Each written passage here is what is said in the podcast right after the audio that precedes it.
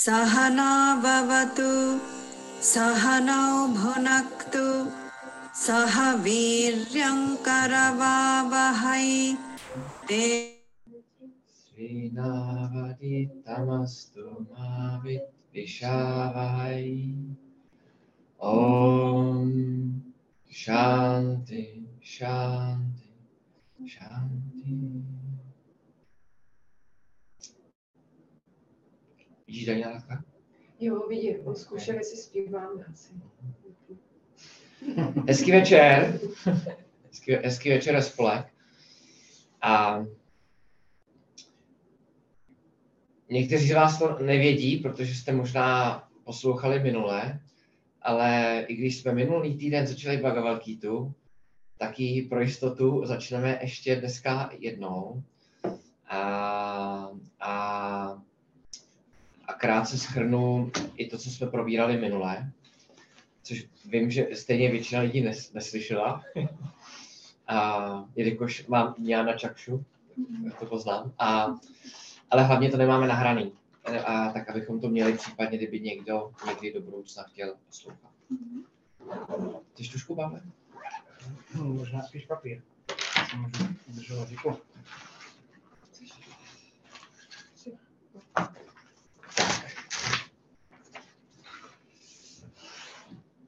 Takže Bhagavad Gita, jak všichni víte, odehrává se na pozadí boje, války, která se nazývá Mahabharata War, kde jsou dvě uh, protichůdné strany, pandávové, kaurávové,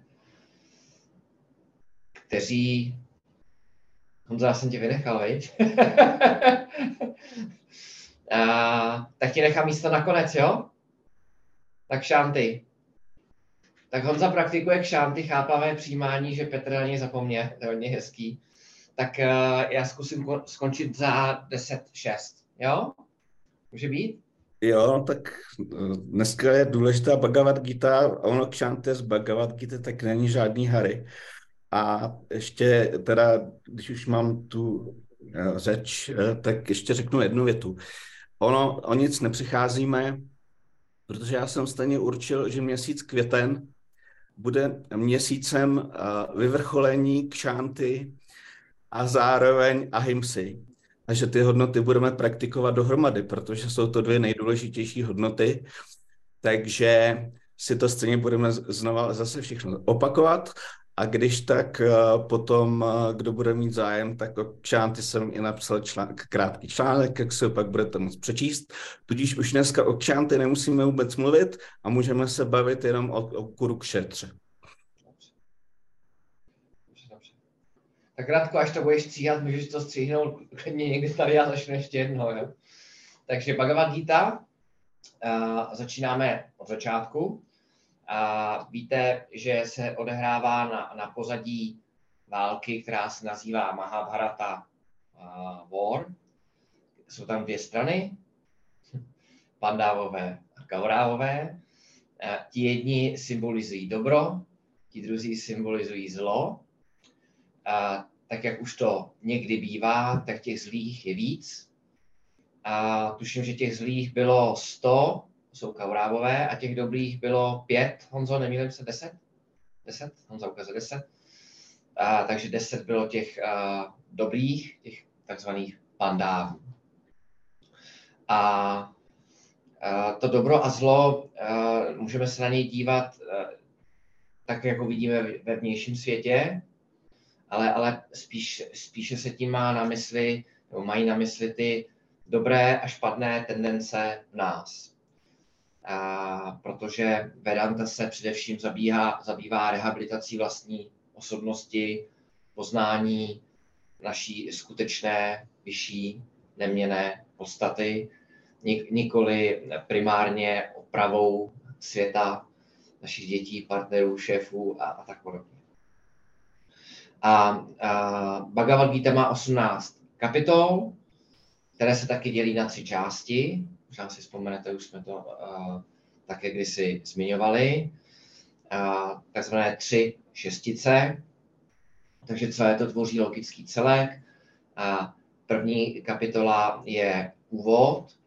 Anglicky bychom řekli, že the purpose is uh, that of setting the scene, uvádí nás, uvádí nás do děje a má v zásadě dva hlavní úkoly. Uh, tím prvním je názorně, na příkladu Arjuny, ukázat problém samsáry, eh, kterým ve skutečnosti trpí každý, každá a každé. A bylo tomu tak před mnoha tisíci lety a je tomu tak i dnes a zřejmě tomu bude tak i zítra. Takže, takže eh, to nám první kapitola názorně ukáže, proto, proto, ta, eh, proto ty dvě armády, válečníci, jednotliví bojovníci. Následně uvidíme, jak Arjuna a, zapomene, zapomene, proč tam ve skutečnosti vlastně je a na bojišti se složí. A pak teprve od druhé kapitoly, dokonce někdy asi od 11. verše, začíná skutečně učení Bhagavad Gita. Druhá kapitola je hodně hutná, a kompletní a ta je potom rozebraná mezi kapitolama 3 až 17 a potom kapitola 18 eh, je zase, zase další schrnutí, tak jak to někdy dělají dobří učitelé ve škole. A, a druhým úkolem a, eh, té první kapitoly je taky představit a, eh, žáka a učitele, což víte, že tady je žákem Arjuna a učitelem se stane Kršna, protože úplně na začátku učitele není, na začátku je řidič, neboli voska Arjunova kočáru. A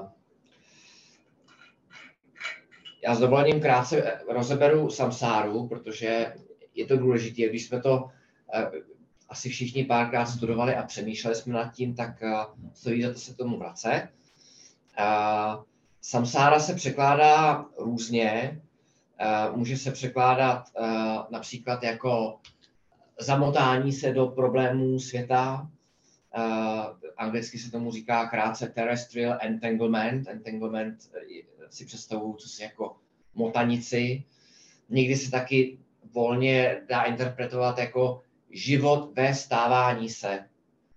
Takže to je, až děti odrostou, tak konečně u Reklita budu moct dělat všechny ty věci, které jsem vždycky chtěl dělat, například.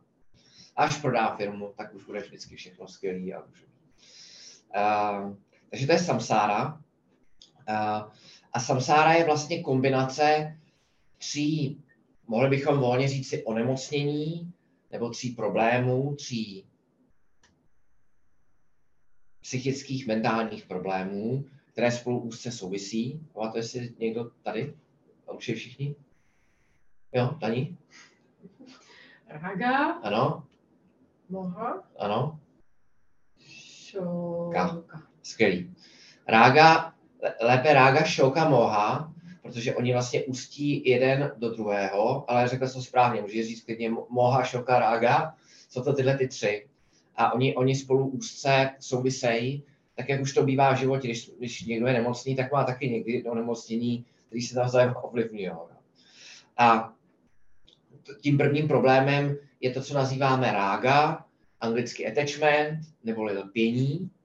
A víte, že s vámi G, s vámi Partesaráty o tom napsal celou, celou knihu, protože se snažil vlastně zdůraznit to, o co se tady snaží první kapitola Bhagavad Gita, aby lidi pochopili, že ve skutečnosti eh, mají problém, protože eh, na řadu věcí jsme schopni si zvyknout, eh, tak jako když dýcháme dlouhou dobu nemoc čistý vzduch ve městě, tak už si to ani neuvědomujeme. Až když přijedeme někdy na venkov, určitě jste to zažili, nebo třeba na hory, vyjdeme z toho auta, tak si řekneme, to je vzduch. A zrovna tak tím problémem, který se nazývá rága, nebo lpění, trpí skutečně všichni. Bohatí, chudí, vládci, otroci, muži, ženy, mladí, staří, úspěšní, neúspěšní, vzdělaní, nevzdělaní a, a, a, a tak dále.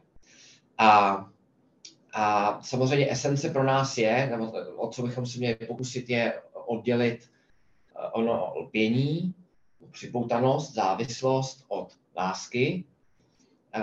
Já tady mám několik eh, bodů, kde se pokusím ty dvě věci dát do, kontrastu, ale jedním z poměrně jednoduchých pohledů je uh, s malou nadsázkou s, vámi Gio rovnice, že uh, když k lásce přidáme sobectví, když ji kontaminujeme sobectvím, tak z toho právě vznikne ono lpění. Takže love plus selfishness equals attachment. To jste mnohokrát slyšeli. To znamená, že lpění spočívá na sobectví, protože od toho daného člověka nebo věci nebo situace něco očekávám, když to pravá láska stojí na nesobeckosti. Lpění obvykle má povahu braní, láska dává. Lpění, to znamená, lpění je vždycky bez podmínek, láska, my občas říkáme, že pravá láska je bezpodmínečná, ale slovo pravá bychom mohli klidně škrtnout, prostě láska je bezpodmínečná. A, což, se, což se projevuje tak, že když nejsou splněny ty podmínky, a, tak a, odcházím od toho člověka, z té firmy, z daného místa. A, a pění vychází ze slabé mysli v tom smyslu, tom smyslu nebo v tom významu, že od toho druhého člověka něco potřebuju, protože se cítím nekompletní, neúplně komfortní, neklidný nebo nejistý.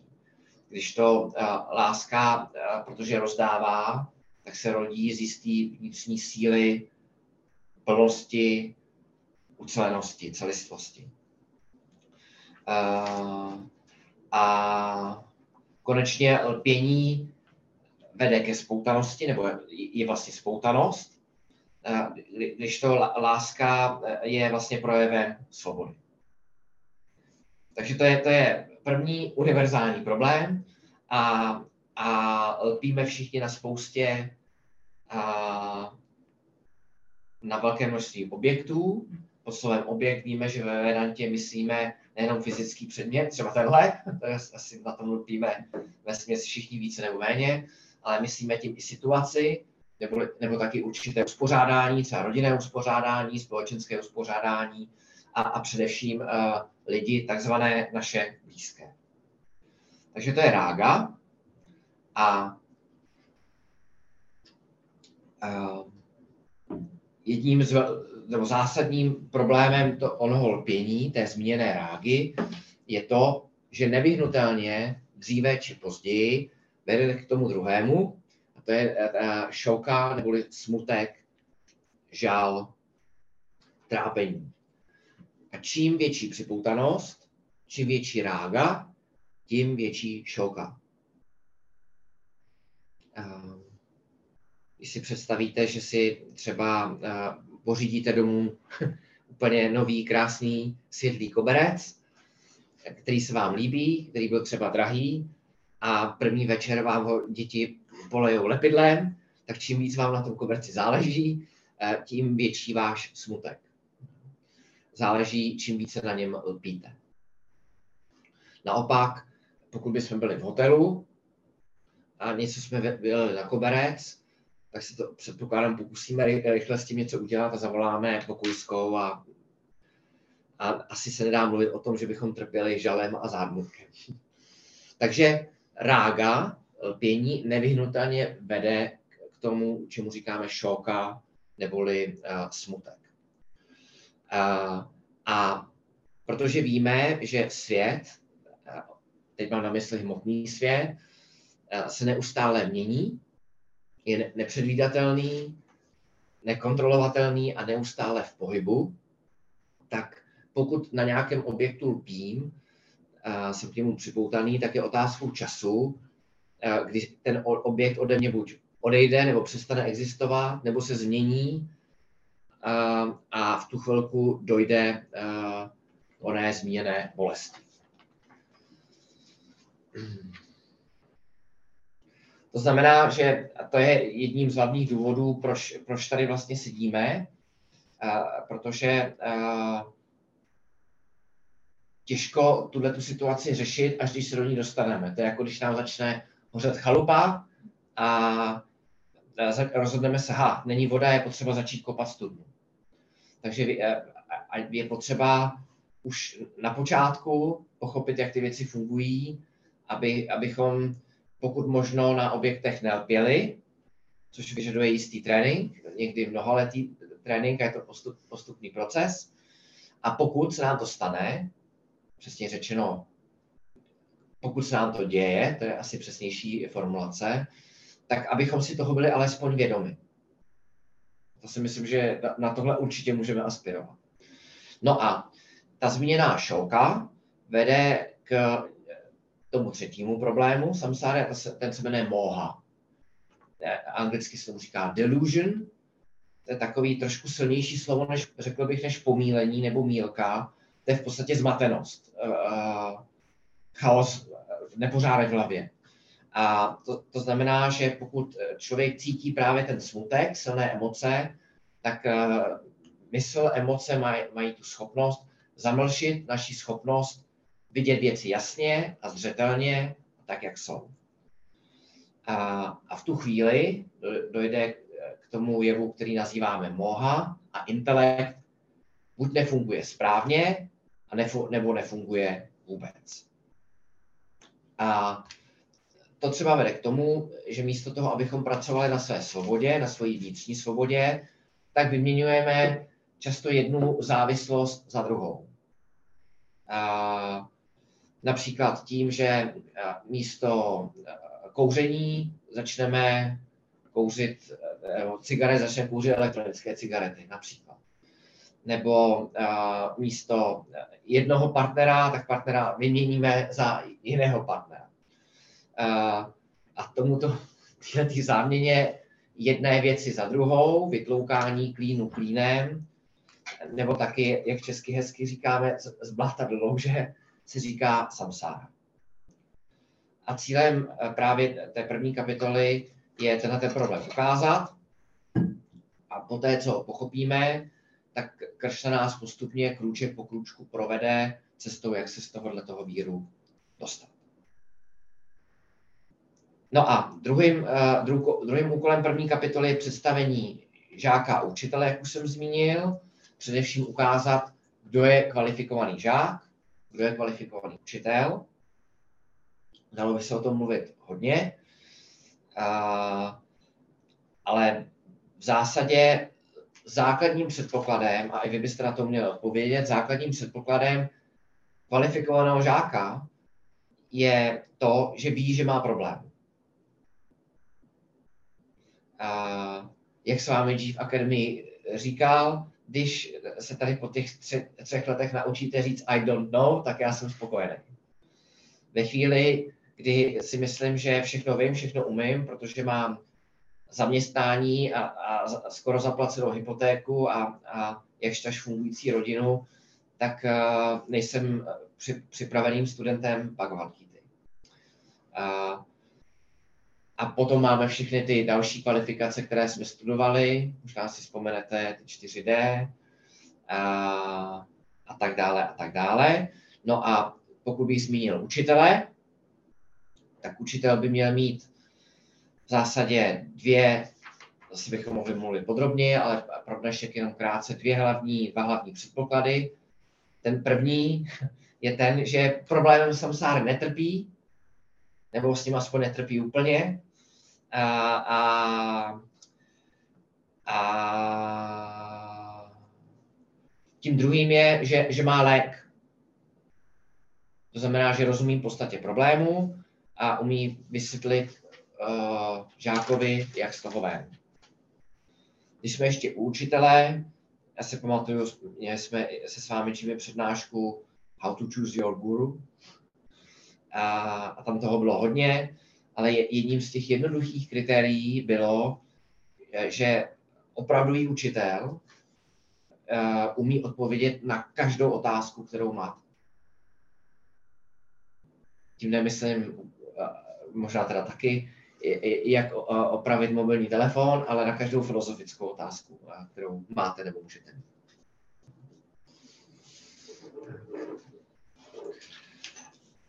A uvidíme postupně, ještě jsem stále u tématu učitele a žáka, že právě eh, na začátku druhé kapitoly eh, to Arjunovi úplně dojde a s důvěrou se odevzdá Kršnovi. Tu chvilku se jejich role v zásadě prohodí a z Arjuny, z vojevůdce se stane student a z Kršny, jeho vosky nebo řidiče, se stane učitel. Tak tolik na úvod. A Radku, jestli eh, můžeme krátce pustit uh, aspoň první verš. Zkusíme. Mm-hmm.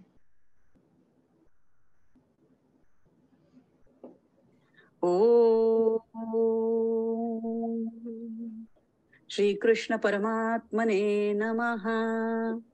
अथ प्रथमोऽध्यायः। धृतराष्ट्र उवाच। धर्मक्षेत्रे कुरुक्षेत्रे समवेतायुयुत्सवः। मामका पाण्डवाश्चैव किमकुर्वत सञ्जय ओ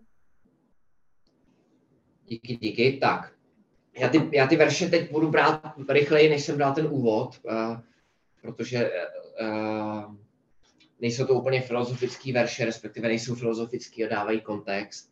Ten první verš, česky bychom řekli, než se ho ještě Radek pustí, uh, volný překlad, jo. Král Drtaráštra se zeptal, co dělají mý lidi, nebo mý lidé a pandávové, kteří byli bojechtiví a kteří se schromážili na svaté půdě Kurukšetra, Kurukšetra o Sanjaya.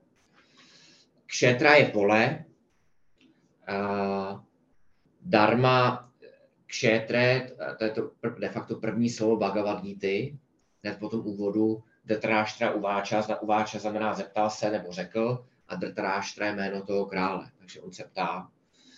A Drtráštra je slepý král.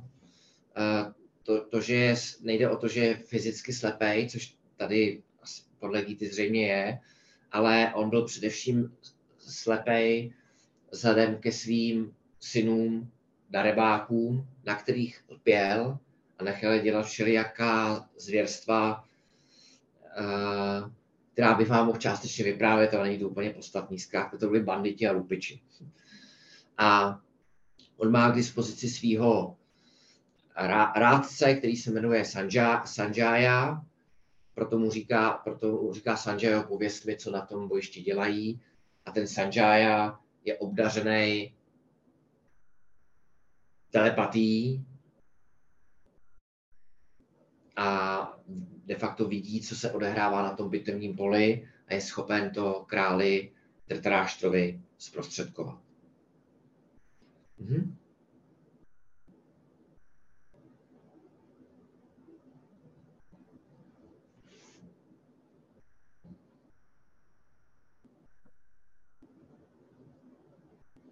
Sanjay उवाच दृष्ट्वा तु पाण्डवानीकं व्यूढं दुर्योधनस्तदा आचार्यमुपसङ्गम्य राजा वचनमब्रवीत्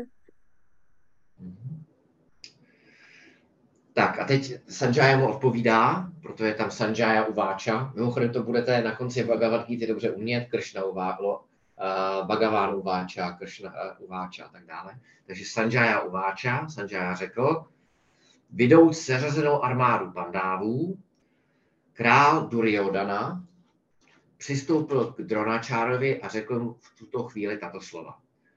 To znamená, ten Sanjaya to vidí, vypráví tomu slepému králi a v podstatě mu popisuje sešikovaný řady pandávů, to jsou ty hodný, a, a zároveň vidí, jak král Duryodhana, to je ten vládce těch zlý, přistoupí Dronovi, to je jeden z jeho klíčových generálů, jeden ze dvou nejklíčovějších generálů a tohle mu řekl. Co mu řekl, nám řekne třetí verš.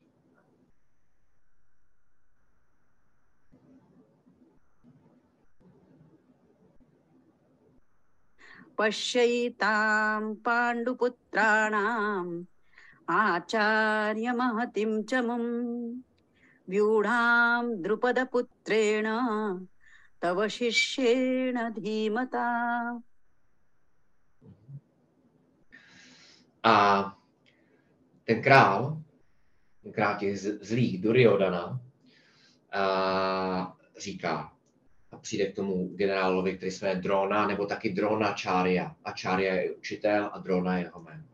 A říká, hele, Drono, tamhle je ta armáda sešikovaná synem Drupady, který se narodil s jediným cílem zabít tě. Uh, to je to, co mu de facto říká, mezi, me, podsouvá mezi řádky, protože uh, ten uh, Drona byl učitelem, tuším, že byl učitelem lukostřelby a na, naučil právě i některé lidi z té protistrany, jak vládnout lukem. Uh, a v podstatě ten Duryodhana se snaží trošku tak, ja- jako Iago to dělá v Otelovi, mu tuhle tu myšlenku, že to je vlastně na něj de facto podraz, jo. ale zároveň podle tradice védské, když uh, přijde kvalifikovaný student, tak uh, učitel, protože je učitel, tak je připraven vždycky učit. A bez jakýchkoliv podmínek. Jo, tak, tak to vždycky bylo. Uh, podobně jako, jako rodič vychovává svoje dítě, stará se o něj, i když netuší, co z něho nebo z ní jednou bude. A tady Dure, Duryodhana právě Dronovi lstivě připomíná a říká, hele, on se od tebe všechno naučil a teď tě jde zabít. Eh, Tuším, že přesně řečeno, syn toho člověka, kterého si učil, tě jde zabít, ale to už jsou takové detaily, které pro nás nejsou klíčové. Jestli Můžu teda suvěč- su- vstupku. Ano, ano. Ten Drupada a Drona byli právě přátelé. Mhm. velmi dobří. A pak se nějak rozhádali a právě uh, tam je ta zápletka, že jako hodně na život a na smrt. Takže tam, tam on sem ten, ten uh, Duryodhana snaží podsunout, že ten syn, který se jmenuje, myslím, to je jedno, taky Vodd, a on je šéf tý, byl jmenován šéfem té armády těch eh, panduovců, takže že ho toho dronu jde, jde zabít. Mhm. Mimochodem té války se teda účastnil i ten Drupada, ten v ní zahynul, ten Druna ho zabil a potom nad ním plakal. Díky. Tak krátko můžeme na čtyřku.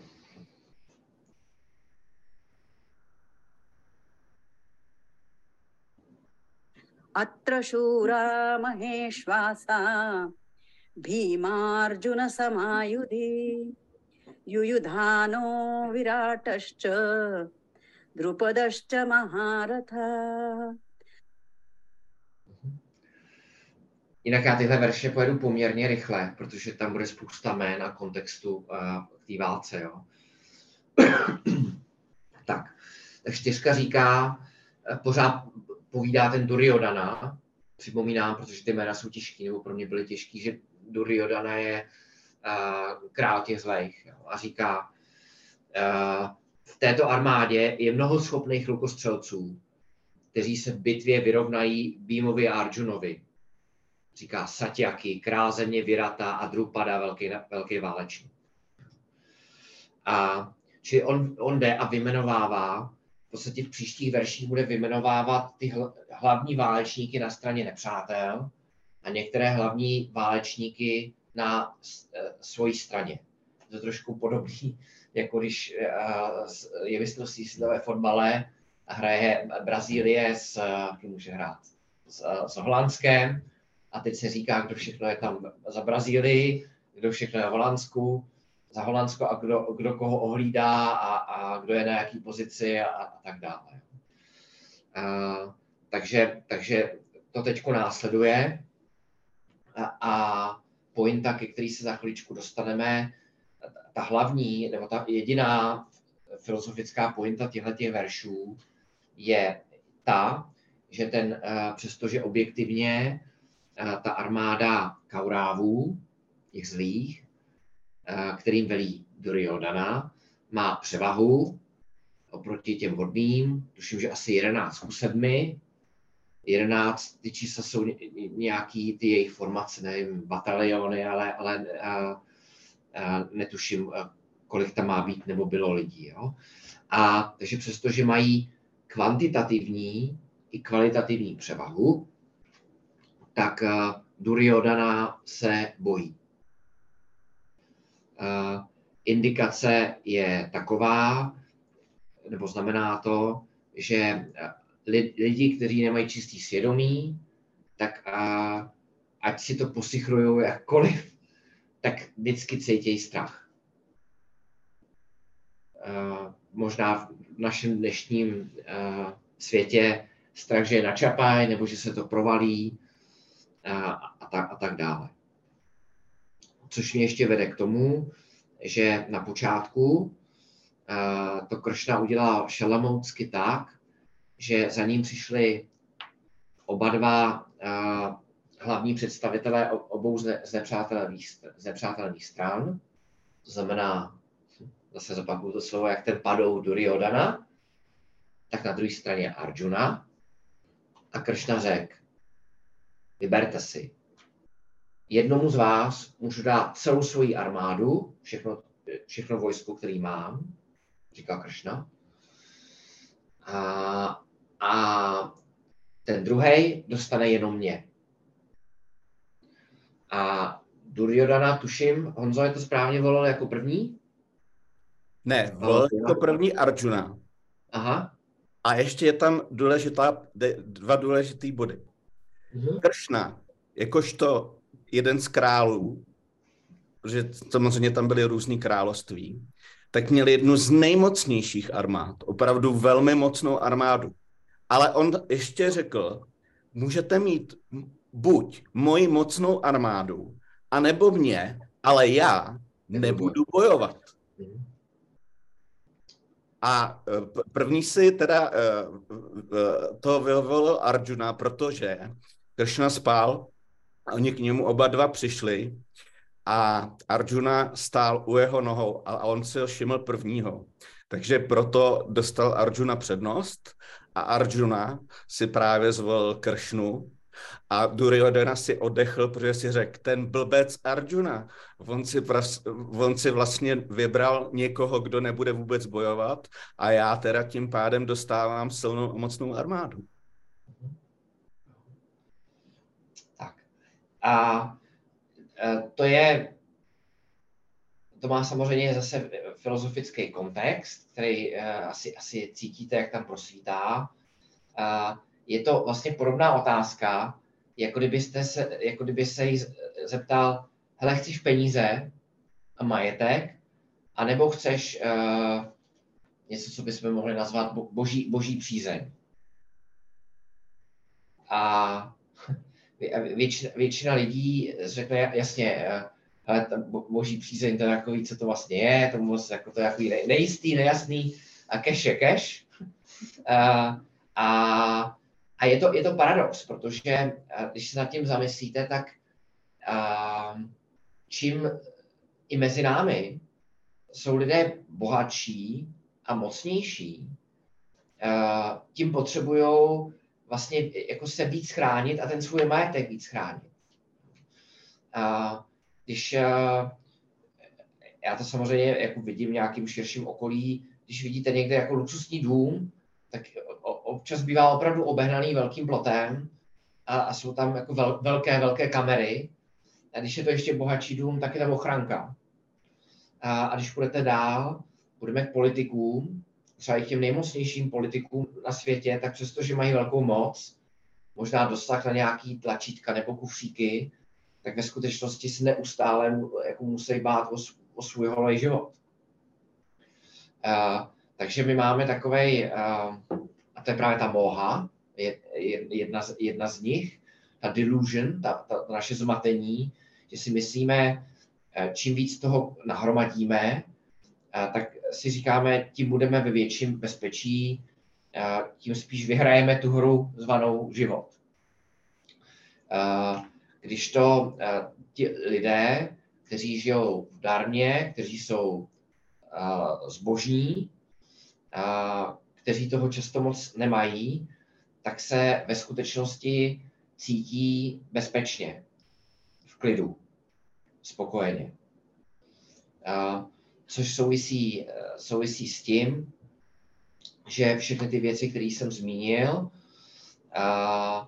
nám můžu dát komfort, a, protože komfort je, je, nebo taky zábavu, a, a komfort a zábava souvisí s naším fyzickým tělem, případně s naší myslí, ale a to, co jsem zmiňoval, klid, štěstí a bezpečí, je věc jedna. Znamená, souvisí s, s, s tím, jak se na svět, spíš bych měl začít tím na sebe, na, na Boha, na pravdu a na svět díváme. Tak to jsem trošku záměrně předběh a vysvětlil uh, několik veršů, které dneska projdeme. Tak krátku možná pojď uh, na pětku. Já pak řek, budu už říkat spíš jenom ty překlady a, a projdeme ty verše trošičku rychleji.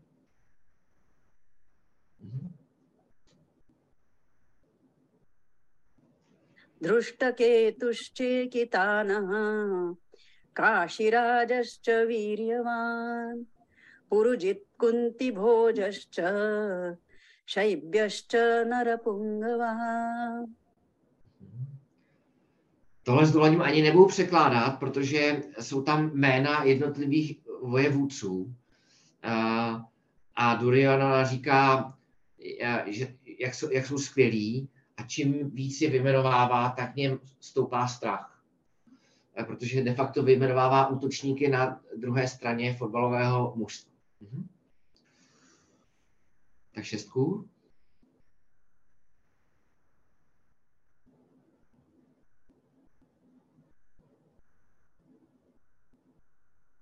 अन्युश्च विक्रान्त उत्तमौजाश्च वीर्यवान् सौभद्रो द्रौपदेयाश्च सर्व एव महारथा. Tak vyjmenovává další a další. Mimochodem o některých z nich říká, že jsou takzvaný Maharátis. A mimochodem já jsem slyšel dvě, četl dvě interpretace toho a slyšel. První je, že Maharáty, to je zkrátka nějaké označení, je někdo, kdo umí velet deseti tisíců lučišníků, to je jedna verze.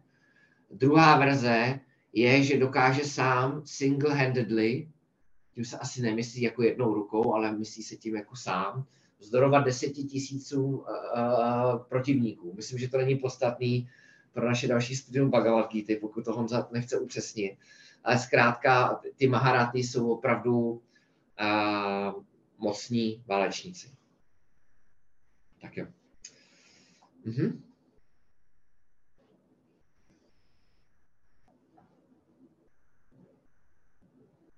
अस्माकं तु विशिष्टाये तान्निबोधद्विजोत्तम नायका मम सैन्यस्य संज्ञार्थं तान् ब्रवीमि ते Tady uh, říká o nejlepší mezi Honzo, teď se musíme ujednotit. Brahminy nebo brahmany? Hm? Jak, jaký slovo budeme používat? Jsi brahmany. OK. Zkusíme. Uh, vysvětlím. O nejlepší mezi brahmany. Teď zvíš, teď uslyšíš. Ty, kteří vynikají mezi našimi, vůdce mojí armády. Zmíním ti je pro informaci. Takže teď už vymenoval ty na té druhé straně a teď přechází ten padouk Duryodhana a, a vymenovávat hvězdy ve svém týmu. A tady je zajímavý, on mluví s tím dronou a, a jsou tam dva kontexty. On ani, uh, můžeš ještě vrátit ten verš na vteřinku? On používá, uh, pro, označuje, uh, je to slovíčko? Dvidžotama. Jo. Uh, to znamená, to slovo ještě někdy uslyšíme, podle védské tradice se vlastně člověk rodí dvakrát. Nejprve se zrodí vlastně fyzické tělo, to je to, co jsme zvyklí, jak se narodí miminko. A, a potom je, je uh, klíčový uh, obřad, mám ceremony se to jmenuje, ve věku, kdy uh, už je rozvinutá nejenom mysl, ale především intelekt. A teprve v tu, v tu chvíli před sebou máme kompletní lidskou bytost. Protože do doby, než, než se zrodí, a je to symbolicky zvolený okamžik, než se postupně zrodí intelekt, před sebou máme malého človíčka, který samozřejmě vypadá jako člověk, ale ve skutečnosti uh, se chová jako velmi instinktivně, nemá žádnou schopnost sebeovládání a strukturovaného přemýšlení, takže de facto, a nemyslím to teď na úrovni eh, zvířete. Proto je to, proto je to to druhé zrození, twice born, a on je, ten uh, drona je, Vidžota má ten nejlepší mezi těmi dvakrát zrozenými. A tady je taková malá drobnost ještě. Ten drona byl Brahman, patřil k té kastě a, jako, uh, a ten člověk, přestože může umět vládnout mečem nebo lukem a může to i někoho učit, protože brahmani byli učitelé, tak by v žádném případě neměl bojovat. A to bylo uspořádání védské společnosti. Brahmani neměli bojovat, ale měli studovat a učit. A, a tady dojde k tomu, že drona to poruší, pokud se nemýlím.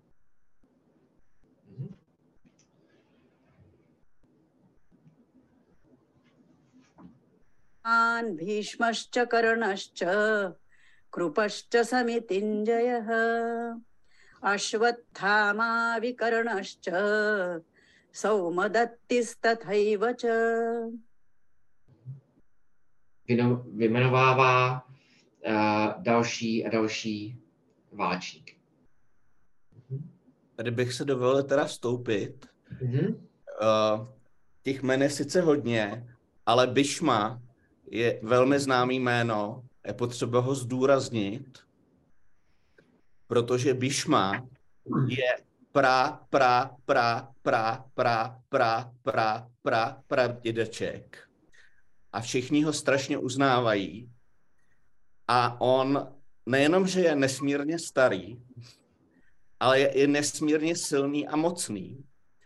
A, a zároveň si sám může určit, kdy zemře. To znamená, když se rozhodne, že bude žít, tak bude žít věčně.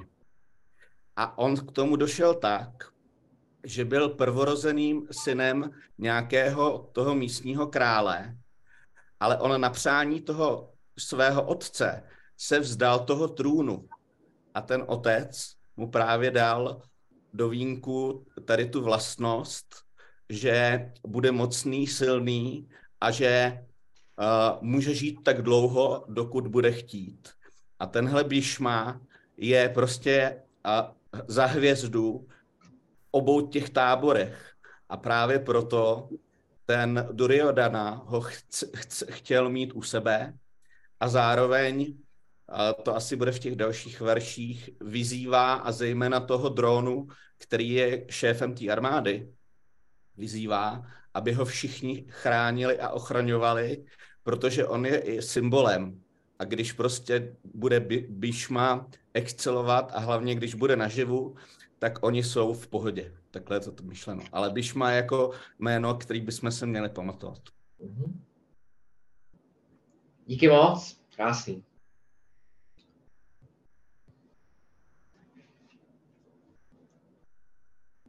अन्ये च बहवः शूरा मदर्थे त्यक्तजीविताः नानाशस्त्रप्रहरणाः सर्वे युद्धविशारदाः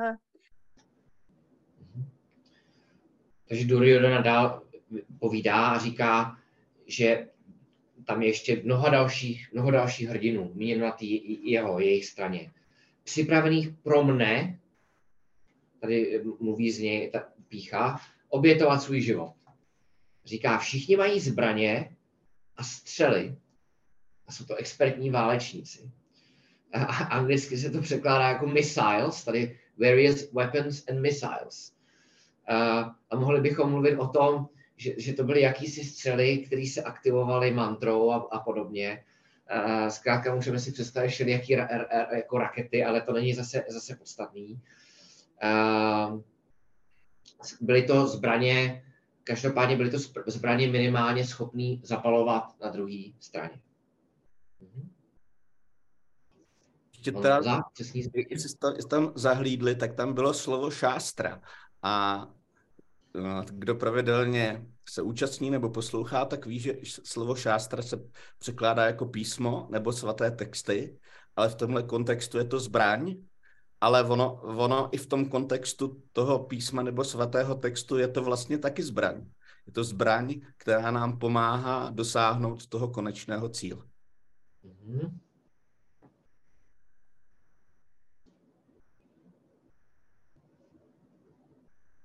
पर्याप्तं तदस्माकं बलं भीष्माभिरक्षितं पर्याप्तं त्विदमे तेषां बलं भीमाभिरक्षितम् Volný český překlad. Proto naše armáda chráněná Bišmou, to je to jméno, ten válečník, který ho Honza tak perfektně popsal, je nedostatečná. Na druhou stranu armáda těchto těch pandávů, chráněná býmou, to jsou podobné jména, ale jsou to jiní lidi, je více než dostačující k tomu, aby nás porazila. Já jsem mimochodem viděl i jiný překlad tohohle verše, nebudu vám ho ani říkat, protože by vás to zmátlo, ale idea je ta idea, kterou jsem vám už před, před chvílí předeslal, předestřel, že zkrátka uh, Duryodhana má strach a ať už ten verš přeložíme tak či onak,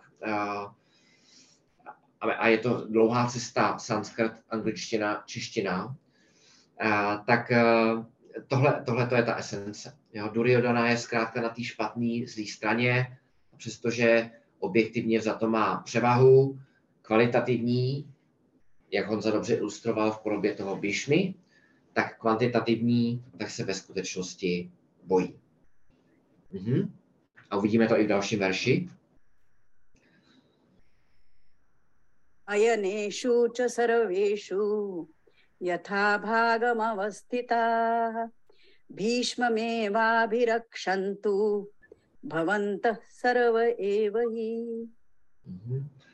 A proto Duryodhana říká v zásadě hlídejte všechna vstupní místa nebo vše, všechny kritické místa, jak bylo určeno, Všichni byste měli chránit hlavně Bíšmu. Chrání toho nejdůležitějšího člověka. Mhm.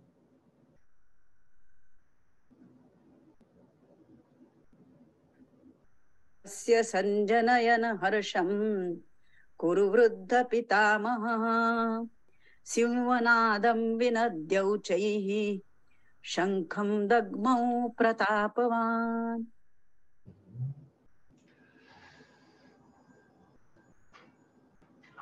takže ten jeho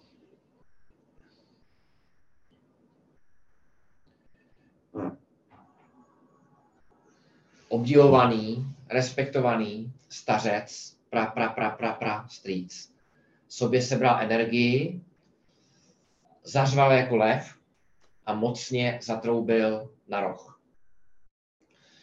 Uh, mluví o Bíšmovi uh, a on to udělal proto, že vycítil v tom, v tom Doriodanovi, že se bojí. Tak aby, aby pozbudil uh, nejenom jeho, ale hlavně celou tu armádu, tak de facto uh, dal ten první impuls, že jsou připravení bojovat. Zařval, zatroubil na roh, jak to tenkrát bývalo. Nám to může připadat trošku obstarožně, ale když si představíte, že ty armády jsou od sebe opravdu daleko, je to obrovská spousta lidí na každé straně tak nepochybně, a uvidíte to dál, když, když se spustíte na rachot, mě to připomíná rugby a novozélandskou haku, taková mnohem jako slabší verze, tak eh, to nepochybně, nepochybně fungovalo, jednoznačně fungovalo. A ten Bíš má, eh, má ještě, ještě jednu roli, a sice protože ta armáda těch zlejch je tak jako poslepovaná a pozbíraná, jak to konec konců jako i ve válkách, které zažíváme nebo jsme zažívali, je vidět, že často ty armády jsou všelijak jako poslepovaný uh, od různých, jako ne, jsou to nesourodý celky, tak uh, ten Bishma díky své pověsti, respektu a autoritě de facto legi, legi, legitimizuje tuhle tu armádu. A proto například i v případě nějakých projektů, například politických projektů, ať už jsou jakýkoliv, je, je snaha těch, těch lidí tam dostat někoho, kdo například ten daný projekt nebo tu danou politickou stranu legitimizuje. Díky tomu, eh, jaký požívá respekt a uznání ve společnosti. Takže Bíšma eh, vlastně té armádě dodává i tenhle ten aspekt. Mhm.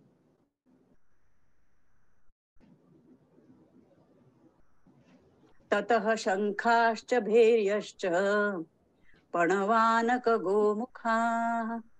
सहसैवाभ्यहन्यन्त सशब्दस्तु मुलोऽभवत् Takže potom, po té, co zařval a, za, a zadul, a zatroubil Bíšma, a se spustily další rohy a bubny a, a, a trumpety a tábory a, a to všechno dohromady vytvořilo obrovský rachot. Jenom připomínám detail na straně Kaurávu, na straně, na té na špatné straně. A Radku to pro dnešek bude stačit. a, takže tady končíme a příště uvidíme a posuneme se zase o kus dál, jak na to odpověděli panávové, jestli dali najevo svoji připravenost, uh, jak na to odpověděli. Na to se koukneme příště. Honzo, závěrečné komentáře nějaké? Spíš jenom technickou otázku, kdy bude příště, protože příští týden je týden svátků a mm-hmm. předpokládám, že asi spousta lidí třeba nebude v Praze, nebo budou jinak, eh, nebo budou mít jiné zájmy, tak otázka, kdy bude příští hodina, jestli bude příští neděli, nebo až tu přes příští. Mm-hmm. Já jsem o tom přemýšlela, pokud byste s tím souhlasili, tak bych udělal přes příští. To znamená, příští neděli bych vynechal, protože asi hodně z nás bude na cestách. A jenom si upřesníme, jestli šestá nebo sedmá což mi připomnělo, eh, že jsem vám chtěl poděkovat, že jste odpověděli na, na, na otázku eh, nejenom rychle, ale i pěkně. Eh, a, a zdá se, že je lepší neděle, podvečer. Honza mi upřesnil, když jsme o tom spolu diskutovali, že primárně to bude na dálku. Bude to obvykle od nás domova z atletický, ale pokud by někdo chtěl přijet, přijít, přijet na kole třeba, tak mi napište textovku a není problém, aby 1, 2, 3, 4, 5, 7, 20 lidí přišlo eh, a zbytek může být online. Jo.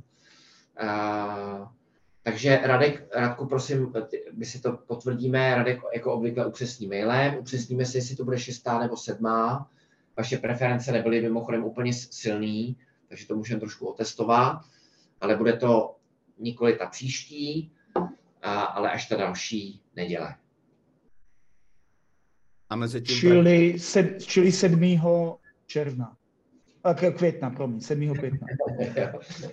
ano, ano, Mario. Ano. Děkuji. Mhm, taky díky. Dodat, abyste... Tam je taky svátek předtím. To jo, ale to už by byla moc velká pauza.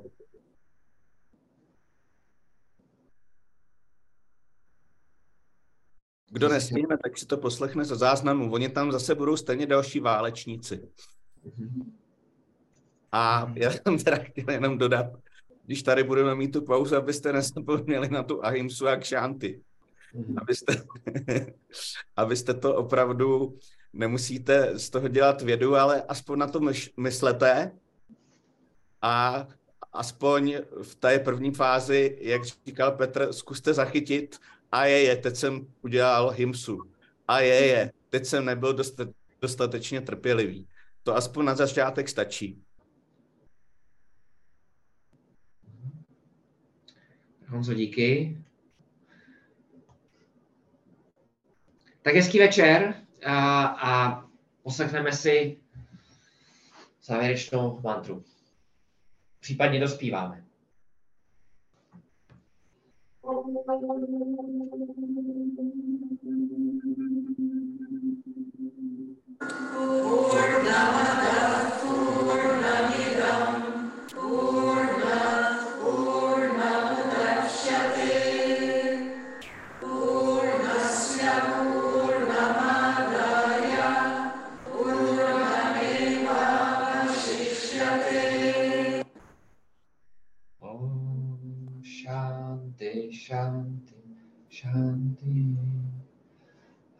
Hari Om Shri Guru Bhyo Namaha Hari Om